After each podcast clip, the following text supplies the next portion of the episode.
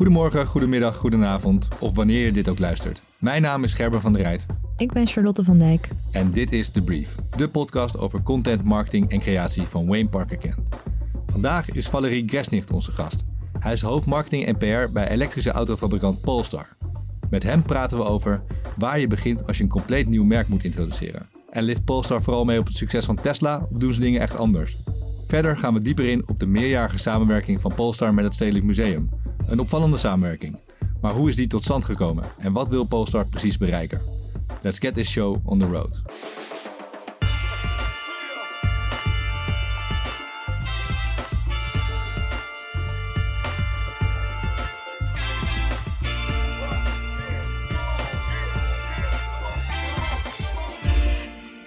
Char, welkom. Hoi. Hi, hoe is het? Goed, met jou. Ook goed, ook goed.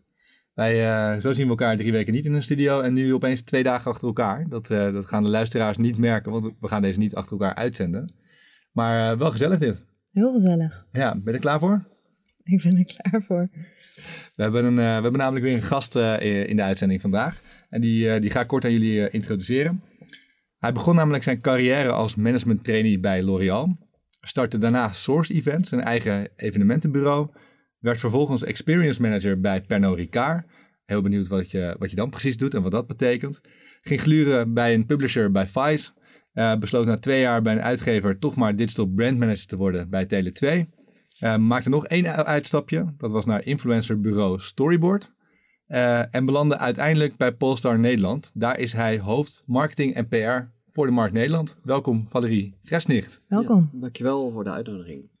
Goed dat je er Zoals bent. je nu zo zegt, dan klink ik echt heel oud met al die dingen. ik eh, Hey, eh, je hebt aardig wat eh, eh, op, op de kerk, ja, ik heb best wel veel verschillende dingen gedaan. Ja. Ehm, nu bij, zit je dus bij Polestar. Ja. Daar gaan we, gaan we zo meteen uitgebreid op in. Vooral op een, een samenwerking die jullie hebben met het Stedelijk Museum willen we graag meer van weten. Voordat we daarmee beginnen hebben we altijd een rubriek om de show te openen. De beste content die je de afgelopen tijd hebt, hebt gezien. Wat heb je voor de luisteraar meegenomen?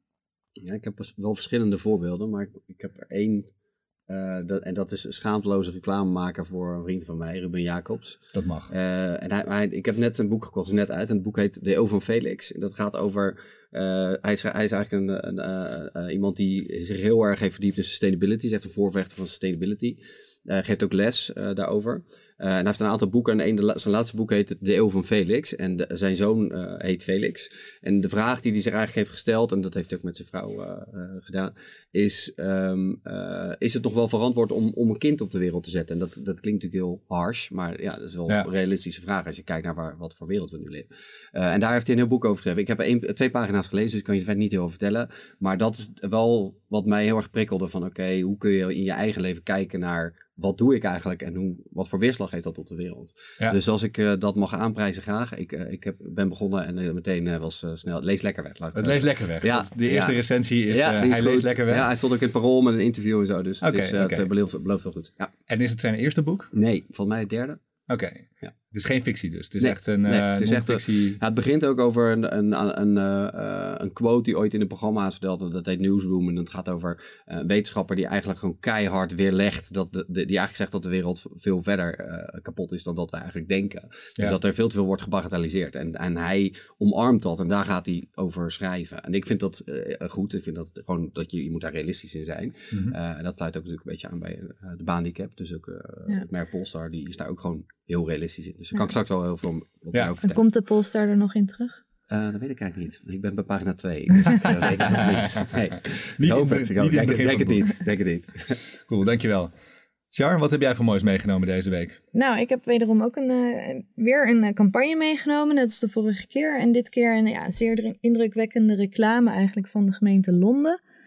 Uit naam van de burgemeester van Londen. En, en die heet Have a Word with Yourself.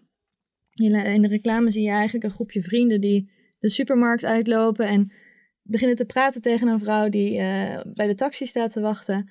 En ehm, haar eigenlijk een beetje op een ja, soort van semi-grappige banter manier proberen contact te leggen. Maar waar je het eigenlijk al ziet dat die vrouw het helemaal niet comfortabel vindt. En zich eigenlijk best wel ongemakkelijk voelt. Ehm, en dan, dan gaat de reclame in op de, de jongen die ernaast staat. Dus niet degene die het aanspreekpunt is, maar degene die ernaast staat, die eigenlijk wel doorheeft dat het niet zo'n fijne actie is die zijn vriend aan het doen is. En die, die ja, je ziet hem soort van eh, eh, ja, nadenken van, moet ik hier iets van zeggen? Is het de bedoeling dat ik nu iets zeg van, hey, zullen we even de andere kant op lopen? Zullen we even stoppen of niet? En, en dat laat ze op een hele mooie manier zien, op een hele indrukwekkende manier ook. Je wordt helemaal in het filmpje meegenomen. Ehm, en ja, de, de campagne stimuleert uiteindelijk op een best wel indrukwekkende manier om ja, eerder je mond open te trekken eigenlijk. Ook als het om je eigen vrienden gaat, als het iets is wat je ziet of hoort, wat je eigenlijk denkt van, ik denk niet dat dat heel fijn is. En ehm, ja, ook wel vrouwenvriendelijk kan zijn. Zeker. En ze, ehm, ja, ze sluiten eigenlijk af met de leus: Male violence against women and girls starts with words. Um, if you see it happen, happening, say something. En, een hele krachtige boodschap die uh, nou ja, bij ons op kantoor ook wel uh, best wel binnenkwam. En, ja, ik vond hem echt heel goed. Ja. Hij kwam, mij kwam nu ook echt wel binnen. Ja, oh ja oké.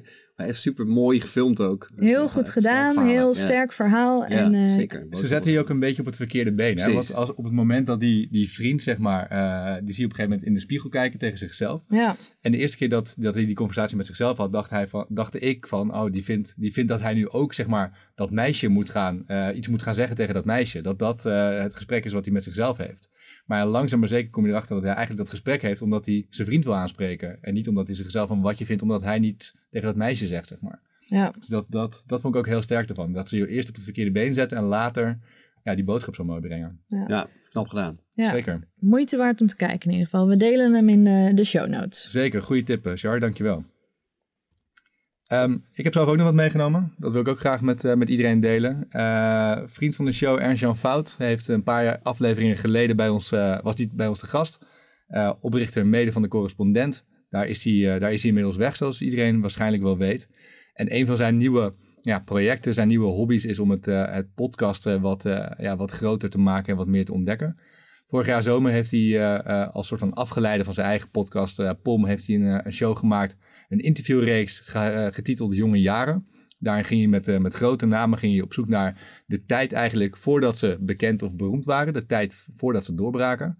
En uh, vanaf vandaag, eigenlijk vanaf nu voor de luisteraar, staan de nieuwe afleveringen online. De eerste aflevering is met Ilja Vijver, schrijver. daarvoor is Ernst-Jan speciaal naar Genua gevlogen om dat interview op te nemen. Uh, ik heb hem nog niet geluisterd. Dus net zoals jij het boek nog, uh, nog moet lezen, is dit een, een tip op voorhand. Ja. Maar als het, uh, ja, als het tweede seizoen ook maar de helft zo goed is als het eerste seizoen, dan, dan is elke aflevering de moeite waard om, om, om terug te luisteren. Wat ik zei, eerste aflevering, of eerste seizoen hadden we, had Ernst-Jan mooie gasten als Matthijs van Nieuwkerk, Typhoon en Nasreddin Char. En stuk voor stuk gewoon hele mooie verhalen. dus ik denk dat het tweede seizoen ook weer heel veel belooft. En ik vind het leuk om te zien dat Ernst Jan zich ook uh, ja, een nieuwe kant van zichzelf aan het ontdekken is als uh, bijna, bijna meester-interviewer. Dus props voor Ernst Jan en echt een luistertip voor, voor iedereen. Alright. Um, wil je nou deze tips van, van, van Valerie of van Char of van mij nog eens op je gemakje terugvinden? Ga dan naar de show notes. Die vind je op thebrief.nl. Ehm, daar vind je niet alleen deze tips, maar ook alles wat we verder in het interview nog gaan bespreken. En uh, ook nog andere afleveringen kun je daar weer terugvinden. Mocht je nog van een oude aflevering op zoek zijn naar een, een linkje of wat extra informatie. Alles kun je vinden op thebrief.nl. En dan gaan we nu door met het interview. Oké Valerie, laten we eerst even wat beter uh, met jou gaan kennismaken. Ik zei net al, je begon je carrière, en dat was in 2008, met een traineeship marketing bij L'Oréal van een afstandje lijkt dat uh, best wel een harde wereld. Hoe was het om als, uh, om broekie daar te beginnen? ja, ik, kwam, ik kwam net van de universiteit, dus ik, ik dacht dat ik heel veel wist, maar ik wist helemaal geen pannenkoek natuurlijk. Dat iedereen. um, En eigenlijk, ik heb, ik heb daar twee jaar gewerkt en ik, uh, ik, ik kwam daar binnen en, ik, en ik, ik was eigenlijk een soort van het blonde jongetje in de familie. Als je kijkt naar welk merk ik deed. Ik deed Ben Expert, dat is een groeimerk. Mm Dus dat, daar, werd, daar werd heel veel geld in geïnvesteerd om dat gewoon uh, zo snel mogelijk op te pompen. Dus gewoon uh, steroids in en een marktaandeel kopen. Ja. Dus ik had, ik had een hele leuke baan. Want ik, ik, kreeg, gewoon, ik kreeg gewoon alle kansen om, om, om, om eigenlijk heel veel marketing, soort van de, de groundworks daar te leren.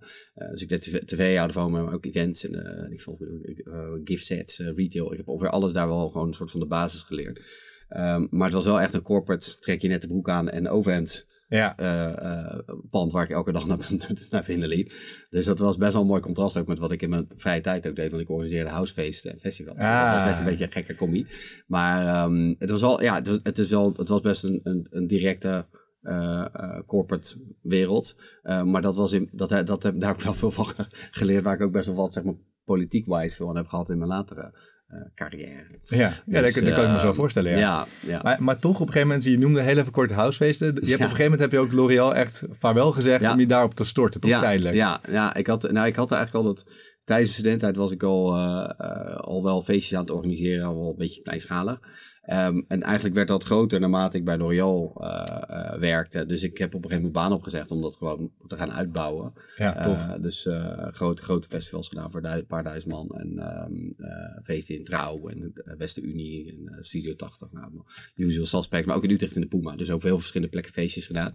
Eh, dat heb ik eh, vijf jaar gedaan ongeveer en eh, veel mooie tijden meegemaakt. Ja, Waarschijnlijk honderden anekdotes die, Ja. die je nog over, ja, over die, tijd kan delen. Ja, die je niet in de media wil hebben. Nee, ja, nee. ja, wel een mooie tijd gehad. Ik deed ook met vrienden, dus zo begint dat vaak Leuk. met vrienden. Dus dat was heel, leuk- heel leuk. Ja. Leuk. Ja. Hey, en daarna heb je, ook nadat je inderdaad de feestjes er ook vaarwel hebt gezegd, ben je aan merkenzijde, heb je voor verschillende merken gewerkt in verschillende branches. Ja. Telecom, alcoholmarkt, nog een tijdje en nu automotive. ja. Als je nou al die branches eens naast elkaar legt, hè, wat, zijn, wat zijn dan de grootste verschillen die je ziet?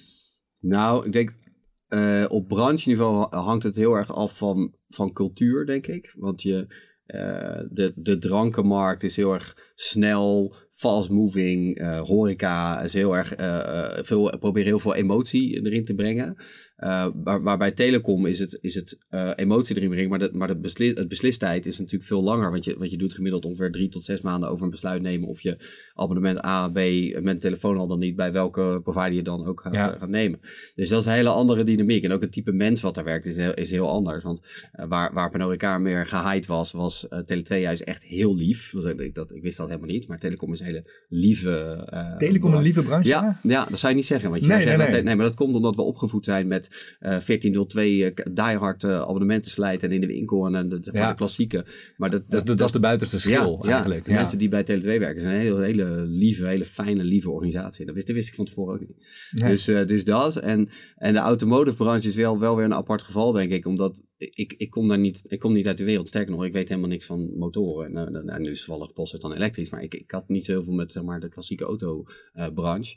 En ik, ik denk ook dat, dat Polestar een heel gekke, hele gekke plek heeft binnen, binnen, de, binnen autoland. Omdat wij, wij behoren niet tot de, tot de klassiekers, want wij zijn de new kids on the block. Ja. Dus het is lastig om zeg maar, die verhouding in die branche met elkaar te vergelijken. Maar kijkend naar, naar telecom, dan is het techniek, telecom, eh, techniek en op lange termijn besluitvorming, dat heeft wel een overeenkomst met, met elkaar, denk ik, binnen, binnen, als je kijkt naar telecom en automarkt. Ja. Dus het besluitproces lijkt een beetje op elkaar. Ja. Eh, ik denk wel dat de automarkt ook wel wat harder is dan, eh, dan, eh, dan telecom.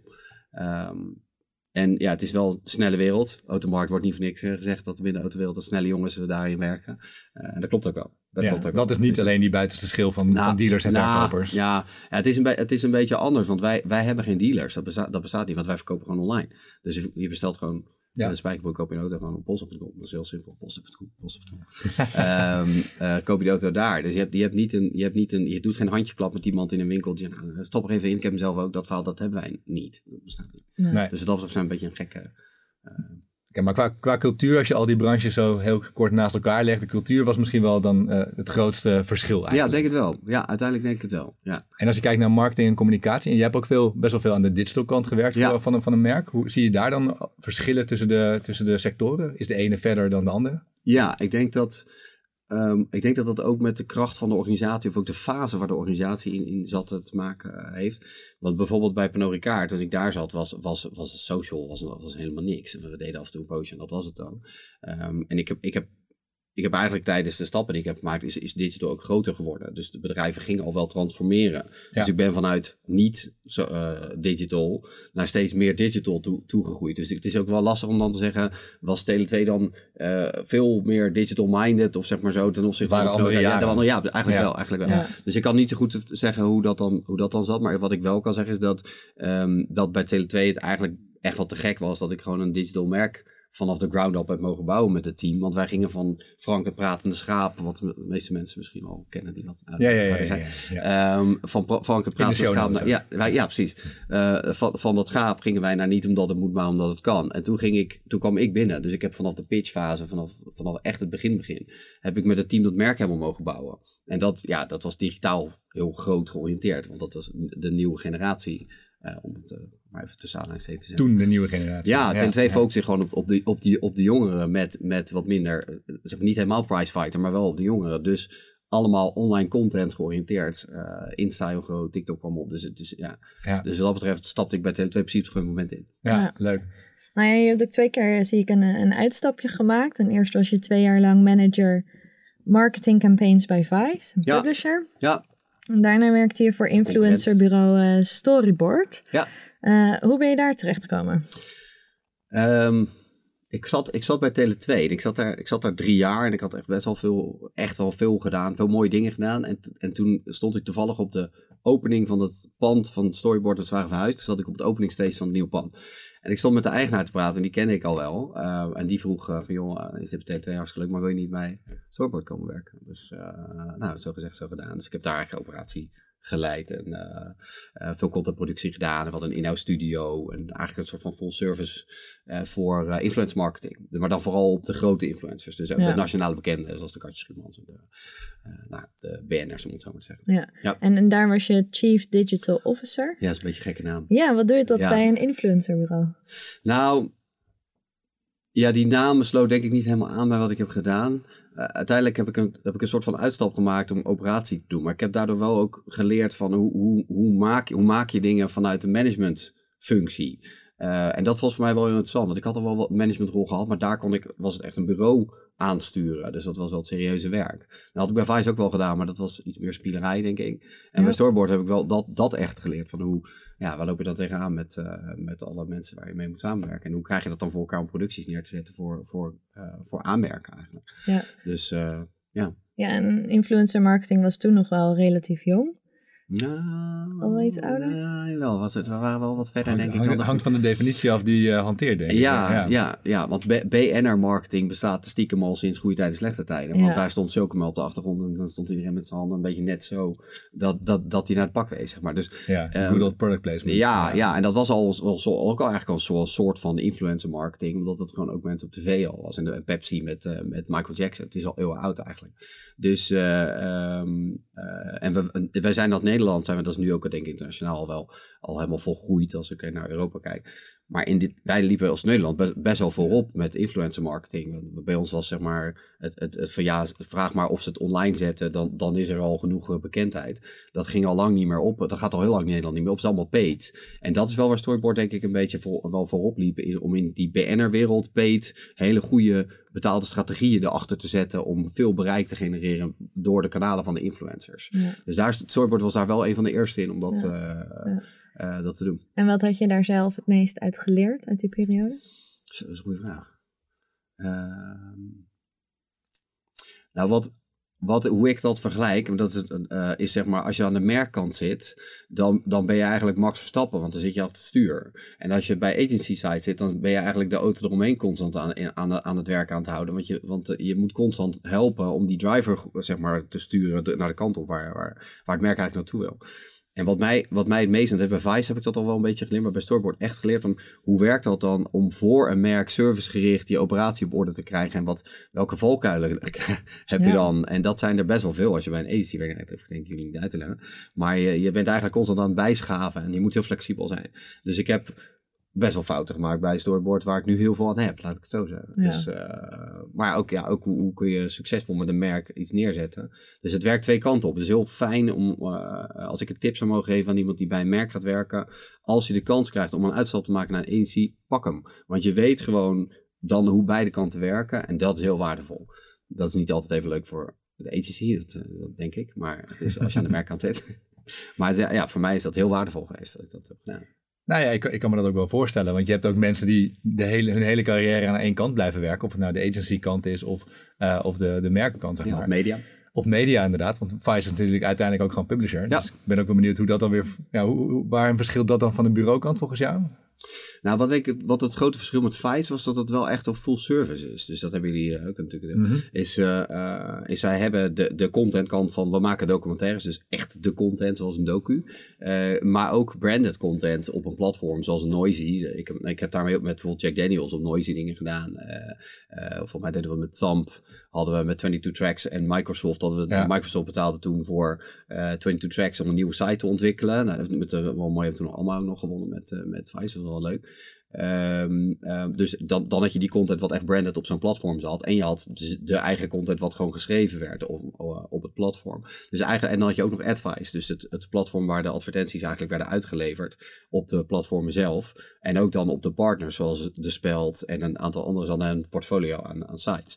Dus eigenlijk bood Vice het full spectrum aan om voor een merk van A tot Z, van concept tot aan distributie, helemaal op poten te zetten.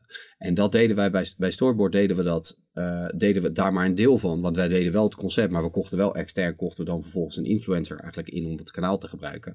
En dan extern die media. Dus ik denk dat daar dan het grote verschil zat. Bij Vice had je het hele, Ja. kon je het hele pakketje afnemen. Bij Storyboard, ja, kocht je het, maar dan Klein, Storyboard ook een deel. Ja, ja, was een kleinere doos. die Ja. Ja. Ja. Cool. Hey, ehm, daarna ben je voor het eerst eh, eh, ja, ook, voor, ook voor een merk met een purpose gaan werken, om dat Ja. maar zo, zo mooi te zeggen. Polestar, wel echt een merk wat een, eh, ja, met, een, met een maatschappelijk ook belang of met een maatschappelijke visie, denk ik. Eh, was dat een bewuste keuze om die stap te maken? Ja, ja. Waarom? Nou, ik heb. eh Wacht, wat deze vraag krijg ik wel vaker van mensen. Ik, op een gegeven moment, ik stopte bij Storyboard, ik wilde iets anders. En ik stopte bij Storyboard en toen heb ik een paar maanden even gewoon niks gedaan. En nagedacht, nou, wat wil ik nou? En koffie gedronken. Nou, eh, Zo toen en hele van, ja. Ehm, en toen, toen dacht ik op een gegeven moment van, ik, ik heb best wel veel dingen gedaan die de wereld nou niet echt beter hebben gemaakt. Zoals bijvoorbeeld eh drankenmerk, eh, heel veel drank erin gieten. Maar ook festivals en feestjes organiseren is nou ook niet echt, dat je zegt heel sustainable. De wereld wel vreugde gebracht. Ja, ik heb veel mensen blij gemaakt, maar dat gaat denk ik ook wel. Dus ik heb wel op een gegeven moment nagedacht van, kan ik niet kijken naar een merk wat iets, eh, waar ook iets circulairs in zit bijvoorbeeld. Dus ik heb bij Katawiki eh, eh, ook wat gesprekken gehad, omdat ik dacht, oké, dat, dat, daar worden spullen hergebruikt, dat is, dat is goed, dat is goed Ja. voor de wereld.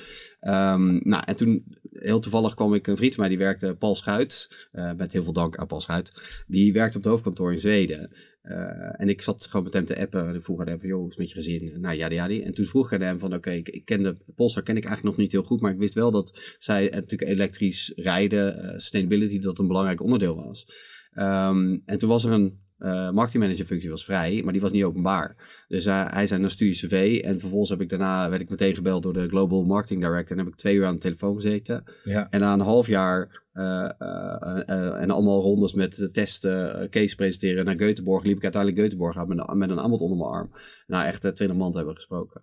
Dus het was, eh, het, ging eigenlijk, het ging eigenlijk het soort van heel erg natuurlijk om, om, Ja. om, om daar een soort van binnen te komen. Dat is wel grappig. Ja, dat wel. Maar de selectie klinkt wel als een hele grondige. Ja, die was, die was wel vrij hardcore. Ja. Ik, Hebben eh, ze je vragen gesteld over, over je verleden bij alcoholmerken en, eh, en alles wat de wereld eh, slecht gemaakt? of? Nee, maar dat heb ik wel zelf gemeld. Oké. Dus ja, nou, ik, ja, ik ben altijd wel gewoon eerlijk in. Maar ja, weet je, je hebt gedaan wat je hebt gedaan. Dat kun je ook niet ja. uitwisselen of zo. Maar, maar was wat ik altijd als anekdote wel grappig... ik zal zo meteen even sustainability een beetje uitleggen. Maar deze wel grappig om te vertellen. Ja. Was toen ik, ehm, eh, toen ik bij Polestar ging beginnen... Toen, toen moest ik me melden bij Volvo. Want wij zitten in dezelfde pand als Volvo bij, langs de A2 bij We hebben daar een vleugel.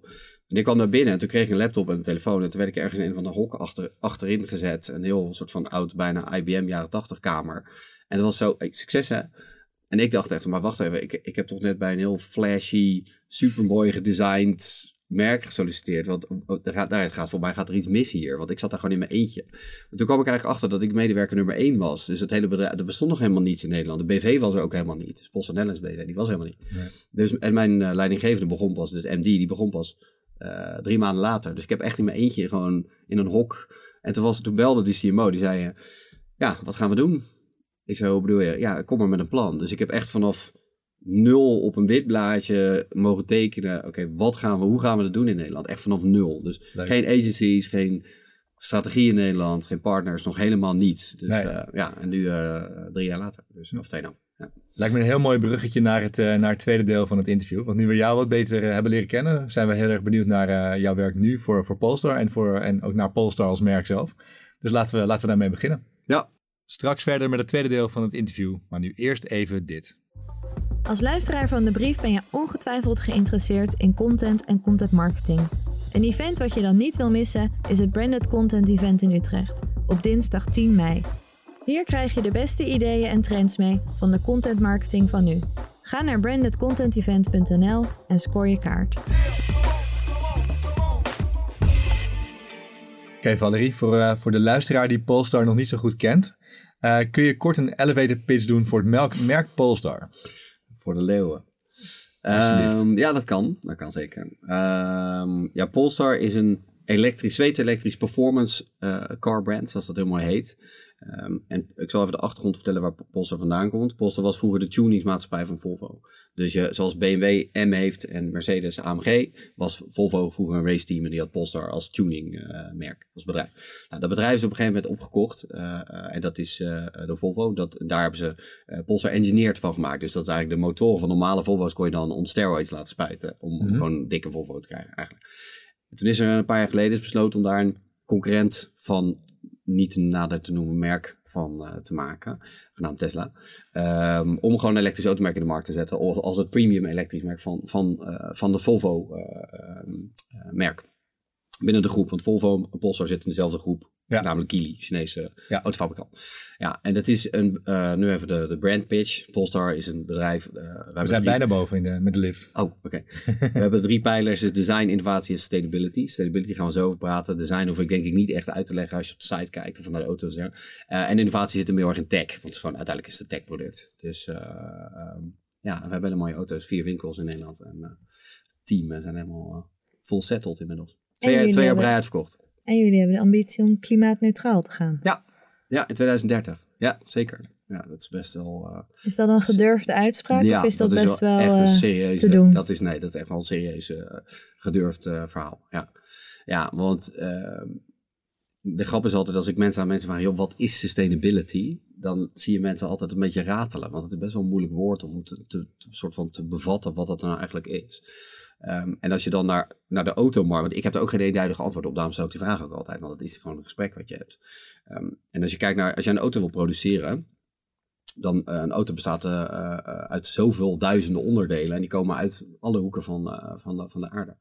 Um, dus, en daar zitten allemaal suppliers aan vast en allemaal subsuppliers en subsuppliers en mining en van alles en nog wat voordat die auto samenkomt. Dat is natuurlijk een proces waar je u tegen zegt. Um, en daarin heb je binnen dat proces heb je uh, productieprocessen uh, of distributieprocessen of uh, menselijke processen. Die, die, die, die kun je optimaliseren om uiteindelijk naar een auto in 2030, klimaatneutrale auto toe te werken in 2030. En dat is een, echt een kolos van een opdracht. Maar dat is wel de opdracht die Polestar zichzelf heeft gegeven. Dus ik, vind dat heel, ik vind dat heel mooi. Ik vind dat een heel bold uitspraak. Daar ja. doen we met z'n allen werken daar heel hard aan om dat voor elkaar te krijgen. Dus dat is even de achtergrond hoe nog acht jaar. Nog acht jaar, ja. ja wij hebben een, uh, een head of sustainability, Frederica Claren heet zij. Dat is een Zweedse dame. Die, uh, die, die, die, die, geeft daar de leiding over om dat hele project helemaal te, te ja, zeg hoofd sustainability.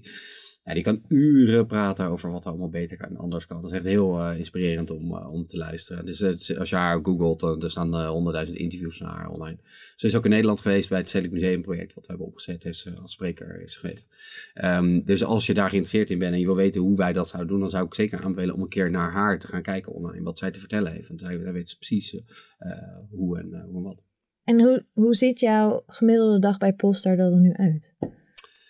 Ja, die, die is, dat klinkt heel cliché, maar die is echt elke dag heel anders. Ja, het is, ja, het is, het is um, ik heb een team, dus ik ben veel met team, teammanagement bezig, maar eigenlijk en de hele dag met bureaus. Ik, uh, ik heb heel veel calls en heel veel, um, um, praat veel met het hoofdkantoor. Dus ik ben met veel mensen van, de, van het hoofdkantoor in Zweden, in Göteborg, ben ik uh, uh, aan het afstemmen wat we aan het doen, aan het doen zijn. En ik denk de verdeling is, team is kwart, hoofdkantoor is kwart, bureaus is kwart en de rest hoop ik ook nog wel tijd voor mezelf te hebben. Zo probeer ik het een beetje in te richten. En af en toe mag ik in een podcast komen zitten. Dat ik heel leuk vind. ja. In de basistijd gewoon. Ja, ja, ik heb het niet gezegd. Nee. nee, vraag er ook niet naar. Nou, je gaf het namelijk net al even aan dat je, je was begonnen en je kreeg een laptopje mee en eigenlijk een, een wit papiertje. Ja. Um, toen ook al als rol hoofd marketing en PR? Of, of ja, of nee, ja, meteen. Ja, okay. ja de, ik ben eigenlijk aangenomen als marketingmanager, maar toen was het toen ik begon was het, ja, je bent eigenlijk verantwoordelijk voor alles. Dus je bent verantwoordelijk voor marketing, PR en evenementen. Maar ik vind uh, marketing, PR, evenementen vind ik onder marketing vallen. Daarom ja. ik niet door uh, wat in de neem. Maar eigenlijk ben ik eigenlijk eindverantwoordelijk voor alle marketing, eigenlijk alle consumer-facing communicatie. Op welke ja. manier dan ook binnen Post en Nederland. En dan vind ik het wel heel interessant om te weten van, als je dan inderdaad mag beginnen met een, een, een leeg wit vel, waar begin je dan? Wat zijn de eerste stappen en lijnen en strategieën die je dan uit gaat zetten? Het mooie is dat ik letterlijk, toen ik daar zat, naar iemand van Volvo ben gegaan en heb gezegd, mag ik alsjeblieft een pen en een stapeltje wit papier uit de printer? Want dan kan ik zelf tekenen. Want ja, gaat, je gaat, ja, ga je dat in een PowerPoint zetten of ga je dat in een Word-document uitschrijven? Nee, ik ben gewoon echt gaan kliederen van nou, wat, wat heb ik nou nodig? Nou, natuurlijk begin je met uh, informatie, marktanalyse, concurrentieanalyse, nou, dat soort... Vanuit het buitenland? Ja, je moet, nou dat was er niet, er was, er was nog helemaal niks. Er gewoon Ook niet vanuit het hoofdkantoor? Nee, het was geen analytics of dat, dat was allemaal niet. Het was gewoon, het enige wat we wisten was dat we dat de winkels gingen openen in regio's waar zij onderzoek naar hadden gedaan, waar het marktpotentieel zat, waar ze wisten dat de meeste auto's verkocht zouden worden. Maar dat was het dan ook. Dus ik heb, ik heb voor mezelf gewoon een aantal basisdingen uitgetekend van wat heb ik nodig, uh, ik heb een sterk mediateam nodig. Ik heb een aantal agencies nodig. Dus ik ga agency pitches doen. Uh, dus welke soort partners heb ik daar dan uh, voor, voor, nodig? Ben ik onderzoek gaan doen van wie zijn er nou eigenlijk allemaal? Natuurlijk, ik heb alle trainingen wel gehad over het merk. En de basis allemaal wel vanuit het hoofdkantoor qua merk. Ja. maar ik heb wel gewoon uitgedacht welke, welke grote bouwblokken heb je nou eigenlijk als merk in, in een land nodig om, om je merk te lanceren en succesvol te lanceren. Ja. Um, en dat, dat begint toch wel echt bij, bij je partners. Dat is gewoon stap één. Van je bureaus, je reclamebureau, mediabureau, dat, dat zijn de mensen die jou moeten helpen. Dat is weer het in een auto zitten, want ik ben de Formule 1 coureur en deze mensen gaan mij helpen. Dus dat was eigenlijk stap 1. Natuurlijk mensen leren kennen op het hoofdkantoor, hoe lopen de hazen.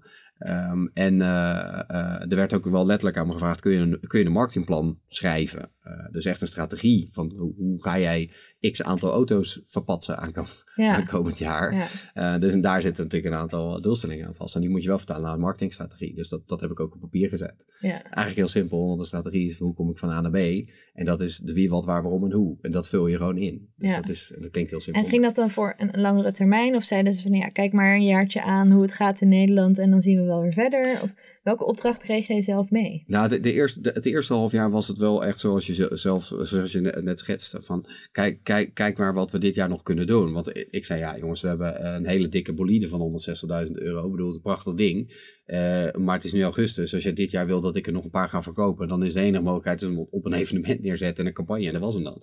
Dus dat is letterlijk wat ik heb gedaan. Dan ben ik op de Masters of Luxury gaan staan. de, de voormalige miljonairs fair. Uh, dat, was, dat was ook het enige wat überhaupt beschikbaar was. Dus dat was eigenlijk wel een beetje de grap. Um, maar ja, ja als, als, er, als er nog niks is, dan moet je gewoon de tijd nemen om je basis te bouwen. Dat zijn wel je partners in principe. Uh, en het team, want ik had nog helemaal geen team. Ik had nog niets. Dus, uh, en ook mijn uh, leidinggevende moest ook nog een team bouwen. Want er was nog geen sales manager, operations. Dat was er allemaal helemaal niet. Um, dus ik, ik heb ook echt wel met mijn, met mijn baas de, een beetje moeten uitvogelen van... oké, hoe gaan we nou dit bedrijf soort van vormgeven? En dat is best wel leuk, want ik ben natuurlijk van nature een marketeer. Ik ben een marketeer en ik ben geen operations of car ja, dat, weet ik allemaal niet. Dus ik heb van hem ook heel veel geleerd en hij weer heel veel van mij. Hoe, hoe dat dan. Ja, we hebben gewoon een soort bedrijf gebouwd. Met, in het begin met z'n tweeën. Dat werd steeds groter en groter groter. Ja. Dus uh, ja, dat is wel, het is meer dan marketing geweest. Eigenlijk, eigenlijk ja. En hoe groot is het team dan nu in totaal? We zijn in Nederland met 25. Uh, en we zijn wel hard aan het groeien. Dus ik, uh, eind van het jaar zit er wel, het komt er wel een flinke sloot mensen bij. Uh, en mijn team staat nu uit vier. En het zal ook aan het eind van het jaar wel weer een stuk meer. Nou ja, het is een beetje afhankelijk van hoe, waar we naartoe gaan. Maar het, het marketingteam groeit ook gestaag. Uh, we hebben in Nederland, ik zeg altijd zeven, maar volgens mij zijn het inmiddels alweer negen bureaus. Dus mediabureau en andere creatieve bureaus. Mm -hmm. en ik, ik, ik kies altijd voor om specialisten in te huren, omdat ik gewoon heel erg geloof in dat waar mensen echt heel goed in zijn, daar moet je ze ook voor inhuren. En niet een soort van monster op shop, want ik, ik geloof niet in dat concept. Dat geloof ik niet, qua creatie dan. Dus we hebben een soort van basisbureau en dan een innovatiebureau film, uh, experiential, weet je van alles. Ja, uh, ja dat wil ik vragen, want je had het over die building blocks. Wat, wat, waren dan die eerste building blocks waar je dan echt op wilde bouwen? Nou, wat je, wat je natuurlijk nodig hebt, is je media, media. Dus wij werken met Dentsu. Uh, dat, is gewoon, uh, dat was één, dat wilde ik gewoon in, in place hebben. Want dat, daar begint uh, qua mediadistributie en qua creatie. Wat wel heel fijn was, was dat Code ons creatief bureau. Zij, hebben, zij wonnen toen toevallig in die, precies in die periode de internationale pitch. Dus ik had mazzel, want ik had gewoon een bureau waar ik bij Tele2 ook al drie jaar of drieënhalf jaar mee had gewerkt die was, dat was in één keer mijn basiscampagnebureau. Dus dat, dat was heel fijn. Alleen de manier hoe je dat dan weer onboort in Nederland, daar, daar ben ik heel hard op gaan zitten. Want ik wilde natuurlijk wel een team hebben wat goed past bij Polestar. En ja. wel even de vorm weer vinden hoe, die ik eigenlijk ook bij Tele2 had. Dus dat, en daarnaast heb ik steeds pitches gedaan voor verschillende bureaus die andere specialismen ehm, hebben. En daar eh, eh, die dan aangesloten. Met, eh, en dat, dat moest allemaal een hele korte tijd. Want om je een beeld te geven, ik zat gewoon echt in september 2019 zat ik, kreeg ik gewoon maandag, dinsdag, woensdag en donderdag kreeg ik om 9 uur s'avonds een mailtje. Kan je dit alsjeblieft even vertalen? Want deze mailing moet er morgenochtend om 10 uur uit. En dan zat ik zelf zat ik dat te vertalen. Want ik, er was nog niet. Dus ik was, ver- ik was ook vertaler. Ik deed ongeveer alles wat er moest gebeuren. Want er was nog helemaal niks. Dus dat is het level waar, je, waar ik vandaan kwam. toen. Ja. En dat is eigenlijk gegroeid. Dus eh, ja, Ja. eh, nu is dat netwerk helemaal compleet. En dat, eh, dus we zijn volwassen. Ja. Maar dan, dan de grote uitdaging als merk ligt er volgens mij wel in. Als je zoveel gespecialiseerde bureaus hebt, hoe zorg je dat je één consistent verhaal vertelt aan, aan de consument en aan de markt? ja, Hoe doe je dat? door je bureaus eh, heel hard eh, te trainen. Dus ik geloof heel erg in dat je ze eerst moet onderdompelen. En kijk, natuurlijk, ligt natuurlijk ook aan wat voor soort bureau je hebt en of ze, of ze, het, of ze het spelletje snappen. Dat is natuurlijk eh, een ding. Eh, maar je, je moet gewoon je bureaus heel, heel goed informeren wat, wat, wat het doel is. En, wat, en hoe dat merk in elkaar steekt. En waar Polestar heel erg goed in is, eh, en nog steeds en toen ook was, eh, eh, is, eh, is die, die merkpositionering. Daar, zijn, daar is Polestar gewoon heel erg goed in. Hoe, hoe, hoe ziet dat daaruit? Het brandteam is gewoon heel sterk. Dus als je als nieuw bureau komt, dan is het eigenlijk al wel vrij snel duidelijk van, ah, dit is Ja. hoe het merk is, maar ook dit is de level van kwaliteit. Dus ik, ik ga wel voor de hoogste, moet hoog scoren, want dat is een premium merk. Dus dat, ja, dat, dat maakt het wel makkelijker. helpt. Maakt het, Ja. ja, natuurlijk. Ja, ja, ja. Brand positioning is wel redelijk duidelijk. Ja, Hey, wat ook helpt, want uiteindelijk eh, moeten er auto's verkocht worden. ja, Eh, we hoorden je in een andere podcast zeggen dat Tesla de markt van het elektrische rijden eh, best wel heeft opengebroken. ja Daar, waarvoor, eigenlijk, eigenlijk, dank. ja, ik wil maar zeggen, dank. eigenlijk lift je dus ook gewoon mee op het Ja, succes van Tesla. Ja, ja, nee, ja daar kan ik een heel mooi verhaal omheen eh, proberen te lullen, maar dat, dat is wel zo. Ja, Ja. Musk was de eerste en hij heeft de kinderziektes mogen ervaren. En dat, wij hebben natuurlijk wel productie-wise, hebben dat zelf ook moeten uitvogelen op een manier. Eh, maar het heeft zeker geholpen dat, hij, dat, die, dat die auto's op de mer- eh, al in Nederland op de weg reden. Eh, en dan heeft ook nog het bijtellingsklimaat heeft hem ook nog geholpen, want je betaalde helemaal geen ene pepernoot voor die auto in de afgelopen jaren. Ja. Ehm, dus dat, dat heeft ons ook wel geholpen in, in, voor de perceptie voor mensen dat ze goedkoop elektrisch konden rijden. Dus alle credits naar, eh, naar hem. Ja, Ja. zeker. Maar hoe, hoe zeg maar, eh, wat verandert dat aan jullie rol als, als challenger of uitdager? Wat, wat betekent dat? Ehm, en in welke zin bedoel je? Bedoel je dat qua marketing? of heb qua je, je op kan je markt mee op succes omdat er een markt wordt gecreëerd, maar eh, welke, welke rol neem je dan als merk in ten opzichte van die, die, die first player, zeg maar? Ja, ja, dat is wel grappig. Want de, de, de vraag die ik ook best wel vaak heb gekregen, ook in andere interviews, is dat, dat van wat is dan het onderscheidende vermogen van Polestar ten opzichte van Tesla? Want dat is wel waar je het over hebt uiteindelijk. En het grote verschil is denk ik dat, nou, dat als je alleen al naar communicatie kijkt, is er één eh, eh, marketeer bij eh, Tesla en dat is Elon Musk. Ja. En voor de rest heb ik nog nooit in Nederland reclame gezien. Ja, één keer geloof ik ergens een billboard, maar dat was het. Een paar Ehm, winkels. ja, Wat zei je? Een paar winkels. Ja, winkels, winkels. Maar Ja. dat, dat, ja, oké, dat retail. Maar de, de Ja. echte, de traditionele marketing heb ik dan niet, niet echt op grote schaal gezien. Dus de, maar waar het grote verschil denk ik, wij hebben natuurlijk veel meer nodig, omdat we ook een nieuw merk moeten laden. En Tesla bestaat inmiddels ook al best wel eh, een tijd.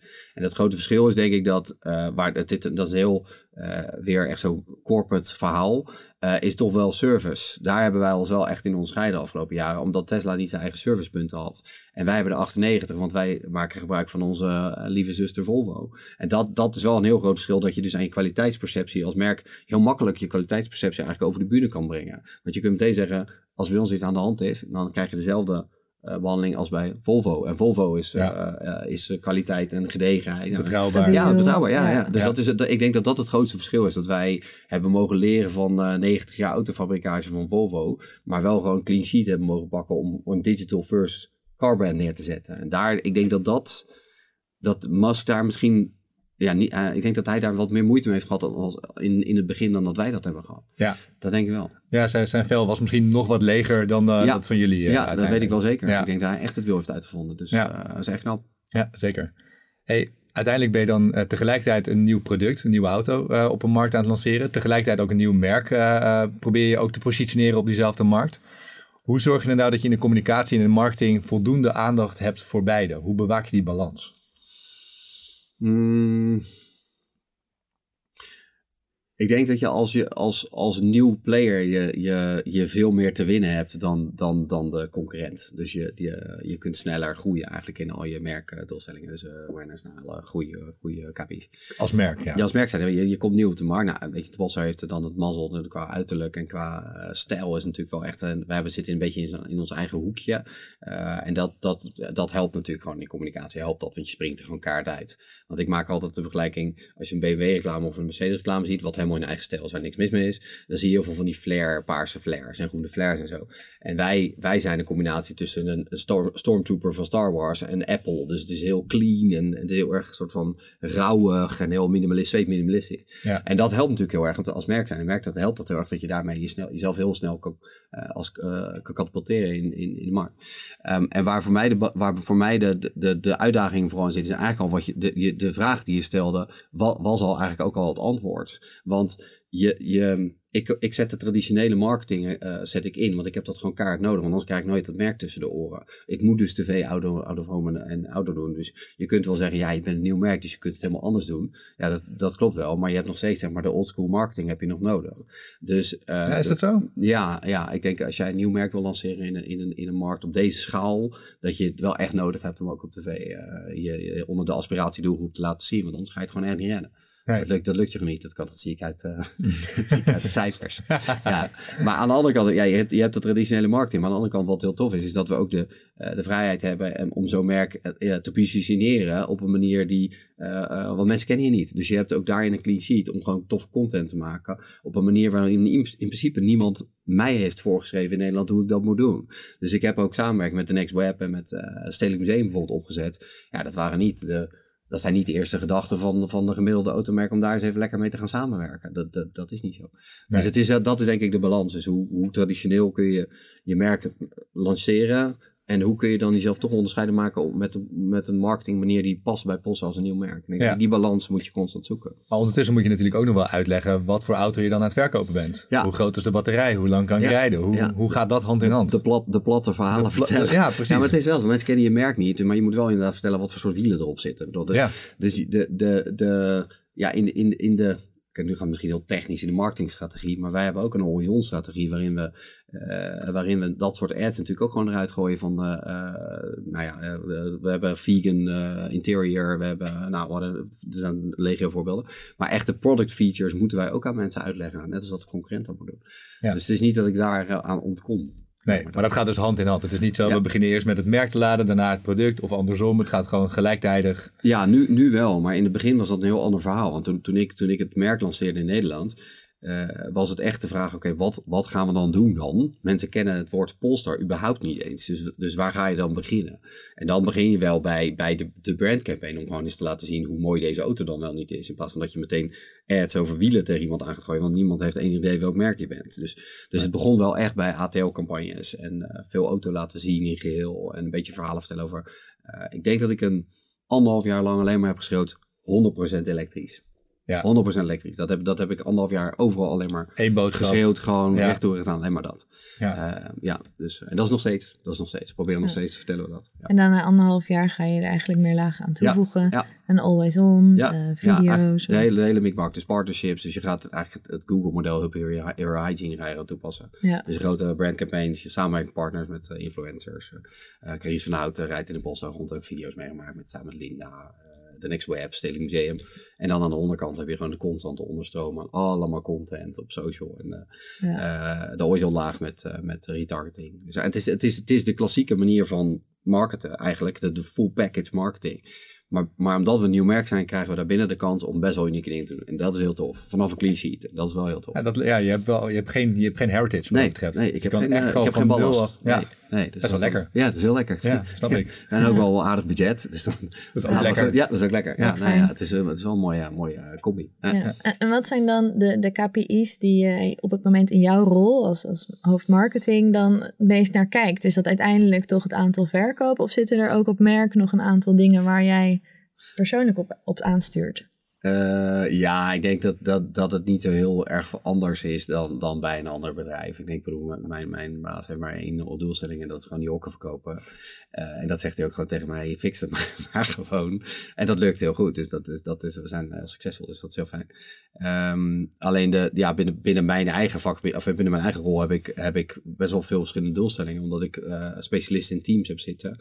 Dus dat gaat van brand KPI's, groei van brand KPI's, tot, tot traffic naar de site tot brand searches, maar ook uh, test drives. Want je wil zoveel mogelijk mensen in die auto hebben zitten. Want dan merken mensen, oh, dat is eigenlijk wel een hele fijne auto. Dus je wil zoveel mogelijk mensen ook in die bak hebben rijden. En daar, dat is ook een doelstelling. Ja. Um, dus het is best breed. Um, uh, maar ik denk, niet dat ik een hele andere KPI's heb dan bijvoorbeeld een uh, marketingmanager van BMW of een... Uh... Wat, wat is nu de naamsbekendheid van, van Polestar? Weet je dat? Spontaan. Ja. Zo, dat is een hele goede vraag. Uh, dat ligt eraan in welke aidsdoelgroep je het... Uh, je het uh, voor, de, voor jullie belangrijkste? Ja, belangrijkste is 45, 5, 45 65, zit op 10. 10%. Ja, dus dat is, daar, is, daar is best wel veel werk aan de winkel nog, dat weet ik ook wel. omdat um, ja, wij, dat, dat, nou, we weer een standaard uh, theorie en, en marketing uh, geneuzel, de cluttered market. Maar we zitten gewoon in een keiharde, gewoon volledig verzadigde markt eigenlijk, omdat wij ook concurreren met de BMW benzinemotor. Het is niet, het is niet dat wij alleen maar elektrisch concurreren. Dus het concurrentieveld is enorm. en de budgetten zijn natuurlijk enorm, ook bij, bij een Audi en een BMW en een Mercedes. Dus dat zijn gewoon best wel serieuze, serieuze budgetten. Dus het, het, het is echt een lange adem. We hebben veel winst te behalen, dus we groeien relatief snel. Alleen binnen de, binnen de markt is het wel gewoon aanpoten. Uh, dat zit hem niet alleen maar in geld, dat zit hem ook in werken. Dus gewoon, je moet wel uh, met relatief weinig mensen veel werk verzetten om het allemaal voor elkaar te krijgen. Dus, uh, dus het gaat goed, het gaat goed en de sales gaat goed. alleen ja, het is langzaam. Kleine stapjes. Blokjes, blokjes, ja. ja, ja. ja. Nou, we hadden nog een vraag van onze, een van onze volgers. Nou, eigenlijk hadden we er twee. en de eerste was. Oh ja, pas op. Uh, een van de eerste was eigenlijk, uh, jullie hebben best wel bijzondere nou ja, winkels, kan je het eigenlijk misschien dit niet noemen. Uh, midden in het centrum. Hoe zou je het noemen? Nou, ja, het is ook geen showroom. Nee.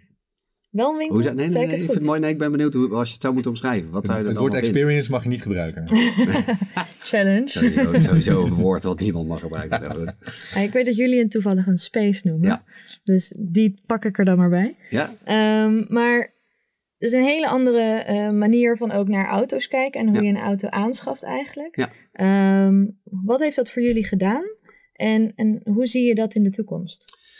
Nou kijk, de reden waarom het een Space heet is gewoon omdat er dan een fancy naampje aan uh, mag gehangen mag worden. En omdat de Polestar hangt natuurlijk gewoon in de lucht. Redelijk uh, no-brainer. Um, het ding is dat, dat wat, wat wij niet wilden, wat, wat dat het merk echt gewoon hard heeft voorgeschreven, is wij willen niet dat als je binnenkomt dat iemand. Uh, uh, wij hebben, zo, nou, laat ik het even zo vertellen.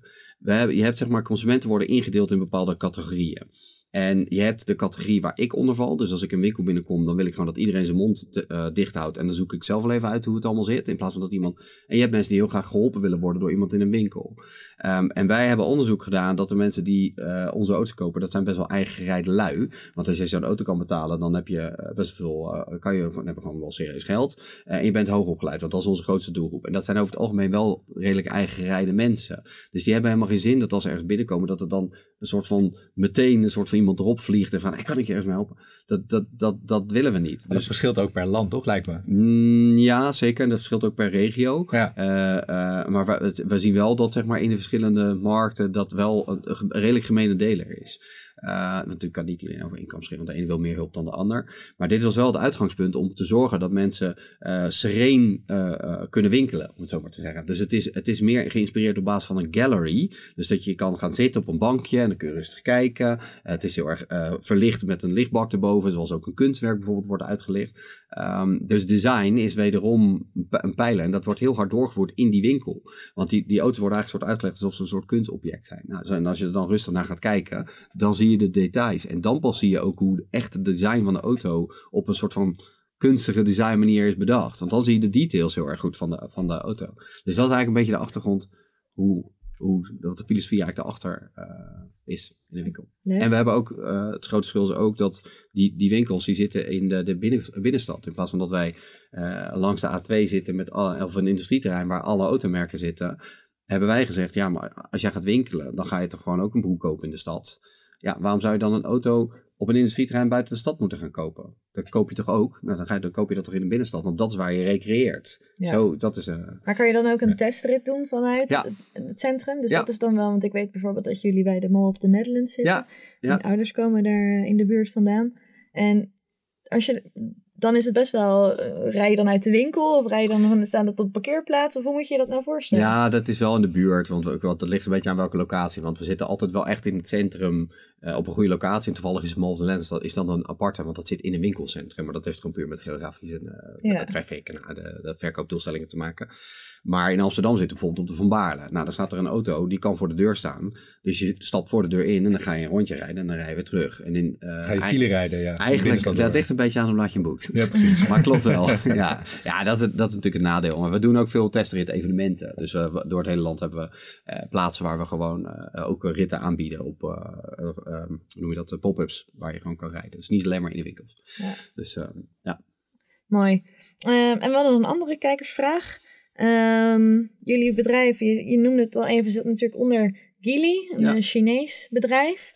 Ehm, een, een land met heel veel ook sustainable doelstellingen, maar misschien ook wel wat lastig met merken en PR. Ja. Voel je daar iets van, van die lange arm van China? Nee. Eh, nee. Dat is heel erg fijn. Punt. Nou ja, nee, ja, ik kan daar echt niet zo over zeggen. Ik heb, sterker nog, ik heb nooit, ik praat nooit met een Chinees. Wij hebben, eh, een- ons hoofdkantoor zit in eh Göteborg. En dat is gewoon Zweeds aangestuurd. En dat is gewoon heel hard gescheiden. En dat is eh, fijn, fijn, omdat je gewoon weet waar je aan toe bent in Europa, dezelfde timezone. En je werkt met, met Zweden, die ook het merk eigenlijk hebben opgezet. Dus dat is, dat is wel fijn. Ehm, en China is natuurlijk ook een heel andere cultuur. Dus Ja. ja, ik, weet- ik, word daar eigenlijk, ik heb daar eigenlijk niets mee te maken. Oké. Nee, dus dat is heel, ja, heel praktisch eigenlijk. Hey, tot, tot slot willen we graag nog eh, iets dieper ingaan op de meerjarige samenwerking die jullie hebben gesloten met het Stedelijk Museum. Ja.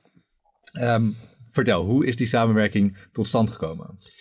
Ehm, nou, helemaal vanaf het begin toen ik begon in 2019, toen werd mij dus gevraagd van wat, wat, wat gaan we doen? Eigenlijk, Ja. dat was waar. Ehm, en toen had, was het, mijn eerste gedachte was, oké, ik denk omdat het design een hele belangrijke eh, pijler is, wel een van de drie pijlers, maar wel, denk wel echt een, een van de belangrijkere, ook als je kijkt naar hoe we naar buiten treden natuurlijk.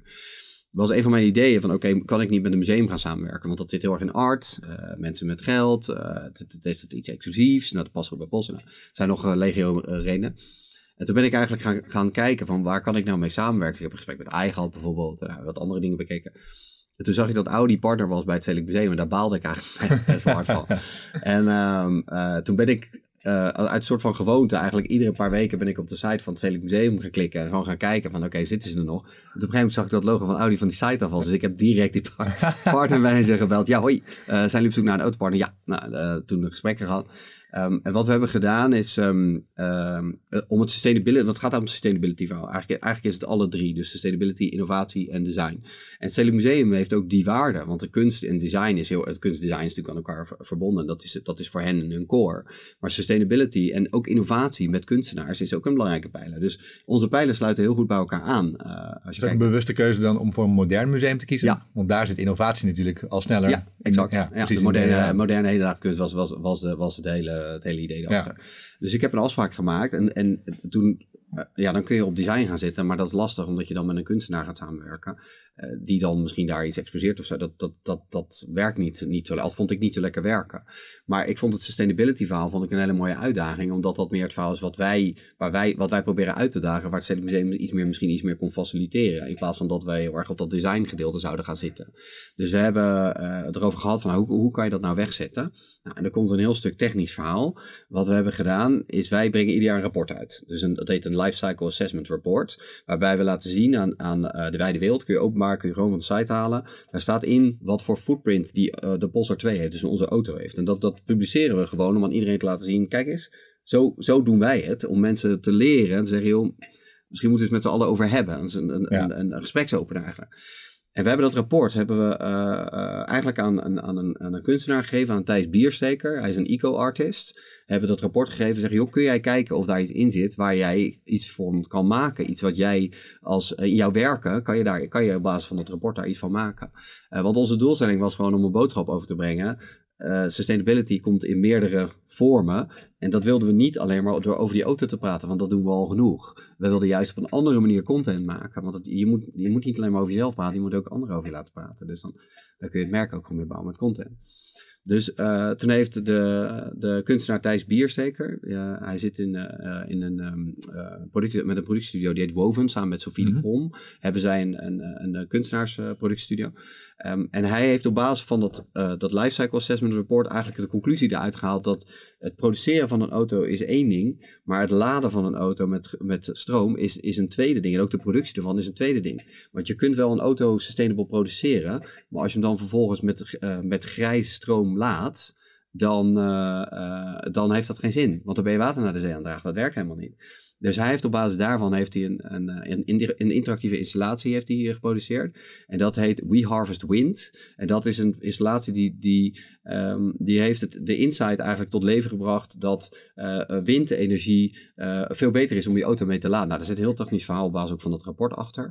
Um, maar we wilden eigenlijk door, door middel van die installatie laten zien dat wind een hele belangrijke is in de totale energie mix. Mm -hmm. dus dat groen laden, groen rijden is groen laden. Even heel plat gezegd, was dat de boodschap.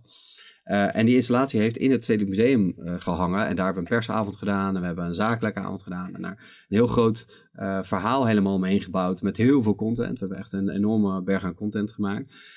met eigenlijk de boodschap, jongens, ga groen laden. Uh, en dat geeft ons nu ook weer de mogelijkheid om uh, op andere evenementen gesprekken aan te gaan met bijvoorbeeld de overheid. Zijn we nu bezig om met de gemeente Amsterdam in gesprek te gaan. Hoezo laden wij nog niet groen en waarom hebben we nog steeds grijze, grijze stroom? Waarom doen wij dat? Um, dus dit is een beetje in een nutshell wat we hebben gedaan. Uh, Kunst eigenlijk als manier of, of drager om een boodschap ja, over, over, te brengen. Ja, exact dat. En daar ja. hebben we helemaal content omheen gemaakt. Bijvoorbeeld ook met Thijs hebben we een interview met Thijs gedaan. Joh, hoe ben je nou tot dit werk gekomen? Welke materialen heb je gebruikt? Uh, en het mooie is dat we, uh, we hebben tegen hem gezegd, we hebben hem gekoppeld aan, aan ons R&D center uh, om te praten. Dat zit in de UK. En we hebben gevraagd van, oké, kun je dan met mensen praten die ook die productontwikkeling van ons doen? En wij maken gebruik van een materiaal dat heet Bicom Flux. En dat is een natuurcomposiet, dat is gemaakt van mais. En daarmee kunnen we 80% plastic reductie uh, uh, realiseren in auto's. Want de deurpanelen en de dashboards en zo, die zijn allemaal van plastic gemaakt. En met deze composiet, dat is een nieuw uh, gemaakt composiet, kunnen we dus 80% minder plastic re realiseren in die auto. Waardoor je dus een stap naar die 2030 auto, klimaatneutrale auto kunt maken. Nou, en wat hebben we gedaan? We hebben hem uh, aan uh, die R&D, hoofd R&D gekoppeld. Een leuk vent trouwens, die R&D man, hij is een vrouwelijke gast. Die, uh, en die heeft, die heeft de composiet naar hem opgestuurd en zei van, nou, ga, ga dat kunstwerk maar, of ga de installatie daar maar mee maken. En toen heeft, Thijs heeft dat teruggestuurd van, ja, ik, ik, ik kan hier niet zoveel mee, maar ik kan wel misschien hier en hier iets mee. Dus die heeft een, eigenlijk een suggestie gedaan als een ontwikkeling van dat materiaal. Oh, wow. En de grap is, is dat dat materiaal nu wordt doorontwikkeld om in auto's, zijn we nu aan het kijken of we dat in auto's kunnen doorvoeren. Dus de productie van die kunstinstallatie die in het stedelijk heeft gehangen, leidt uiteindelijk ook nog naar een productinnovatie binnen het bedrijf. Oh, dus dit mooi. is best een toffe uh, ja. domino-steen die een soort van de andere kant werd. Natuurlijk helemaal niet verwacht. Dus nee, dat ja. top. Ja, dus, dus buiten brand awareness, waar natuurlijk eigenlijk die partnership ook op draaide, ja, zei tuurlijk. je eigenlijk al dat je er content uit hebt kunnen halen. Ja. Um, maar nu eigenlijk ook dat die, die product innovation. Ja, ja dat is bijko bijkomend, uh, bijkomend voordeel. En het mooie is dat de installatie, wij hebben dat gemaakt. Nou, dat is natuurlijk uh, dat is een heel lang. Ik ben hier twee jaar mee bezig geweest. Uiteindelijk van eerste keer met stedelijk praten tot uh, dat, dat, dat het werk uiteindelijk, de installatie uiteindelijk in de stedelijk ging. Um, en nu uh, gaat het reizen. Dus het hangt de 21 april in België op, op Designfest, op een designbeurs. en we zijn nu aan het kijken, de Denen hebben interesse, de Noren, de Chinezen, mensen in Canada hebben interesse getoond. Dus het kan zijn dat het werk ook gaat, gaat rond toeren naar andere, naar andere landen op, op ook het design of kunst. Uh, bij, bij kunstmusea of nou, whatever de, de mogelijkheid biedt. Dus het is een, um, ja, het is echt een monster van een project geweest. Maar het, ja, het is, we staan nu met het hele project op 25, of zeg maar in 25 landen op de uh, homepage van .com van Polestar. Dus het is hier begonnen en nu is het een ja. vlek aan het worden naar de rest van de wereld. Ja, dus dat is heel leuk. Ergens wel een, mooi, een grappig bruggetje, want ik had een uh, Polestar Design Community gevonden. Yeah. Um, waarin uh, fans en uh, designers eigenlijk hun sketches kunnen ja. inleveren. En die worden dan gecureerd door een product ja. designer bij jullie bij Polestar. Klopt, ja. Um, Instagram heeft maar liefst 40.000 volgers bijna.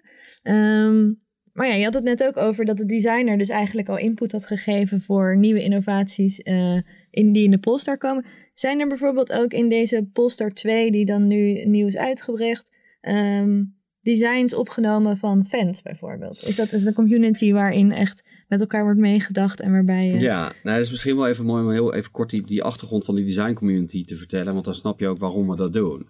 Kijk, de, de design community is opgezet waarbij het is eigenlijk een pitch, pitch community. Dus wat we doen is ieder jaar uh, maken wij een document en dat is eigenlijk een briefing voor de design community wereldwijd, wat, uh, wat alles met het leven te maken heeft. Dat kan uh, mobiliteit, een huis, dat kan slapen zijn, dat kan alles wat, wat je eigenlijk je in je leven kunt gebruiken, in je service van je leven kunt gebruiken, daar mogen ze dan designs voor aanleveren in verschillende categorieën. Ja. Dus dat kan uh, uh, mobiliteit zijn, dat kan uh, werk, woon-werkverkeer zijn, dat kan, nou, dat kan van alles zijn. Daar hebben we verschillende categorieën voor gemaakt. En dat wordt eigenlijk gewoon out there in de community gedeeld. En dan gaan dus product developers, echt product designers, die gaan daar voorstellen voor maken. En dat wordt allemaal ingezonden en daar kiezen we in verschillende categorieën, kiezen we daar een winnaar uit. Dus we hebben een heel sustainable huis wat helemaal was gedesigned. Uh, een motor, een hele mooie boot was gedesigned. En daar maken we maquettes van. Echt super high-end maquettes op, een, op, een, uh, op, een, op van die sokkels. En die reizen dan de wereld over door de winkels. En daar worden dan evenementen omheen gebouwd. Om gewoon te laten zien, jongens, kijk, dit is wat wij doen. Want wij denken niet alleen maar in mobiliteit. Want, of, in, of in elektrische auto's. Want het gaat veel verder dan dat. Want er zit in de Polestar zit ook een... die is gewoon connected met Google. Ja, daar kun je van alles mee. Daar kun je straks connected cars... Nou, the sky is the limit kun je daarmee. Dus wat we proberen te doen is de design community te, te, te vragen van, joh, kom, kom met input. Want wij zijn ook niet, de, de, wij hebben ook niet alle wijsheid in pacht. Daar heb je andere mensen voor nodig. Nou, wat er nu gebeurt is dat zo, uh, er zijn ook mensen die zijn aangenomen in het product development team. Omdat ze ideeën hebben aangedragen waar wij van denken, oké, okay, top, dat moeten we doorvoeren in het bedrijf. En dat, dat gaat niet zozeer over het product wat er nu is, maar wel over producten die gaan komen. Ja. Dus het gaat, het gaat veel verder dan alleen maar auto. Het is een beetje een soort van open source-achtige ja, manier precies, van innovatie. Exact, exact ja. dat. Ja, dat is het. Dus, uh, let's do it together. Dat is het hele idee. Daar komt ook de guiding star. Dat is altijd een beetje een gekke zinnetje. Dat klinkt altijd heel arrogant. Posten noemt dan in de brand positioning de guiding star. En dan, dat, dat klinkt heel arrogant, maar daar gaat het eigenlijk helemaal niet om. Want het gaat niet om dat wij zeggen, we gaan die kant op. Het gaat erom dat we tegen mensen zeggen, kom, laten we kijken of we met z'n allen die kant op kunnen gaan. We gaan het samen, want ja. we, we, moeten met z'n allen een betere maatschappij realiseren. En ja. dat is waar Polsa voor staat, onder andere. Ja. En die design community draagt daar ook aan bij. Dus dat, dat is de hele de filosofie daar. Mooi, mooi om te zien hoe dat zo samenwerkt. Ja. Um, laatste vraag. Wat kunnen we van Polestar verwachten de komende tijd? of in ieder geval in Nederland. Laten we het wat kleiner houden. Mooie vraag altijd. Dat kan je even het geheim van de Smit vertellen. Uh, nou, wat in de aankomende tijd... Uh, we gaan naar de beurs. Uh, dat, is al, dat is ook al aangekondigd. dus dat wordt een spannend. Daar mag ik niks over vertellen. Maar dat, gaat, dat is wel natuurlijk echt een serieuze, serieuze ontwikkeling. Waar, weet ik zelf heel weinig van. Dus daar kan ik verder ook niets over vertellen. Maar dat gaat gebeuren. we komen met een nieuw model. We komen met een SUV binnen afzienbare tijd. Dus dat is... een, ik heb hem al gezien. Echt, echt insane mooie auto. dus daar gaan we mee komen. Dat wordt, dat wordt een grote ontwikkeling. Verder komen met allemaal nieuwe campagnes. En uh, ja, er is nog wel qua samenwerkingen. Uh, het Stedelijk Museum is een lange termijn samenwerking. Dus we gaan in mei. Mag ik dat zeggen? Van mezelf? Ja, mag wel. Gaan we in mei gaan we weer iets doen. We zijn met een nieuw concept bezig om ook weer met het Museum iets innovatiefs te doen. En dat zal weer helemaal draaien om sustainability. En vooral in gesprek gaan. Ook echt met, met, met key players in verschillende markten en kennisgebieden. Dus bijvoorbeeld gemeente Amsterdam zijn we aan het kijken of we met mensen iets kunnen doen. Of met, met echt game changers in sustainability. Uh, om daar dingen voor mee te organiseren. Om ja. het geluid van sustainability weer te gaan vertellen. Dat zijn eigenlijk de drie grote dingen die dit jaar op stapel zijn. En nog honderdduizend andere dingen. Maar dat zijn wel de, denk ik, de highlights die Mooi. we gaan doen. Ja. Mooie plannen in het vooruitzicht. Zeker. En tof ook wil ik uh, nog even meegeven dat jullie gewoon zo'n samenwerking met het Stedelijk Museum ook gewoon voor de lange termijn aangaan. En Ja. niet gewoon als een, als een pilot en een, en een campagne, maar gewoon echt gewoon duurzaam, ook qua, qua termijn. En Ja. ja, ja, Ja. mooi. Zeker. Dankjewel Valerie voor het interview. Geen dank. En je Vond het komt- heel leuk. Dankjewel. Ja, goed gesprek. Char, jij ook bedankt. Jij ook. Op naar de volgende show. Ehm, mocht je nog iets willen teruglezen van alles wat gezegd is, dan kan je dus de show notes vinden op debrief.nl. De brief wordt gemaakt door Wayne Parker Kent. De productie was vandaag in handen van Guido Wiegers. De redactie was van Olaf Deben. We zaten in de Smet Studio. Onze mediapartner is Immers. En we zien je en we horen je graag de volgende aflevering. Dankjewel.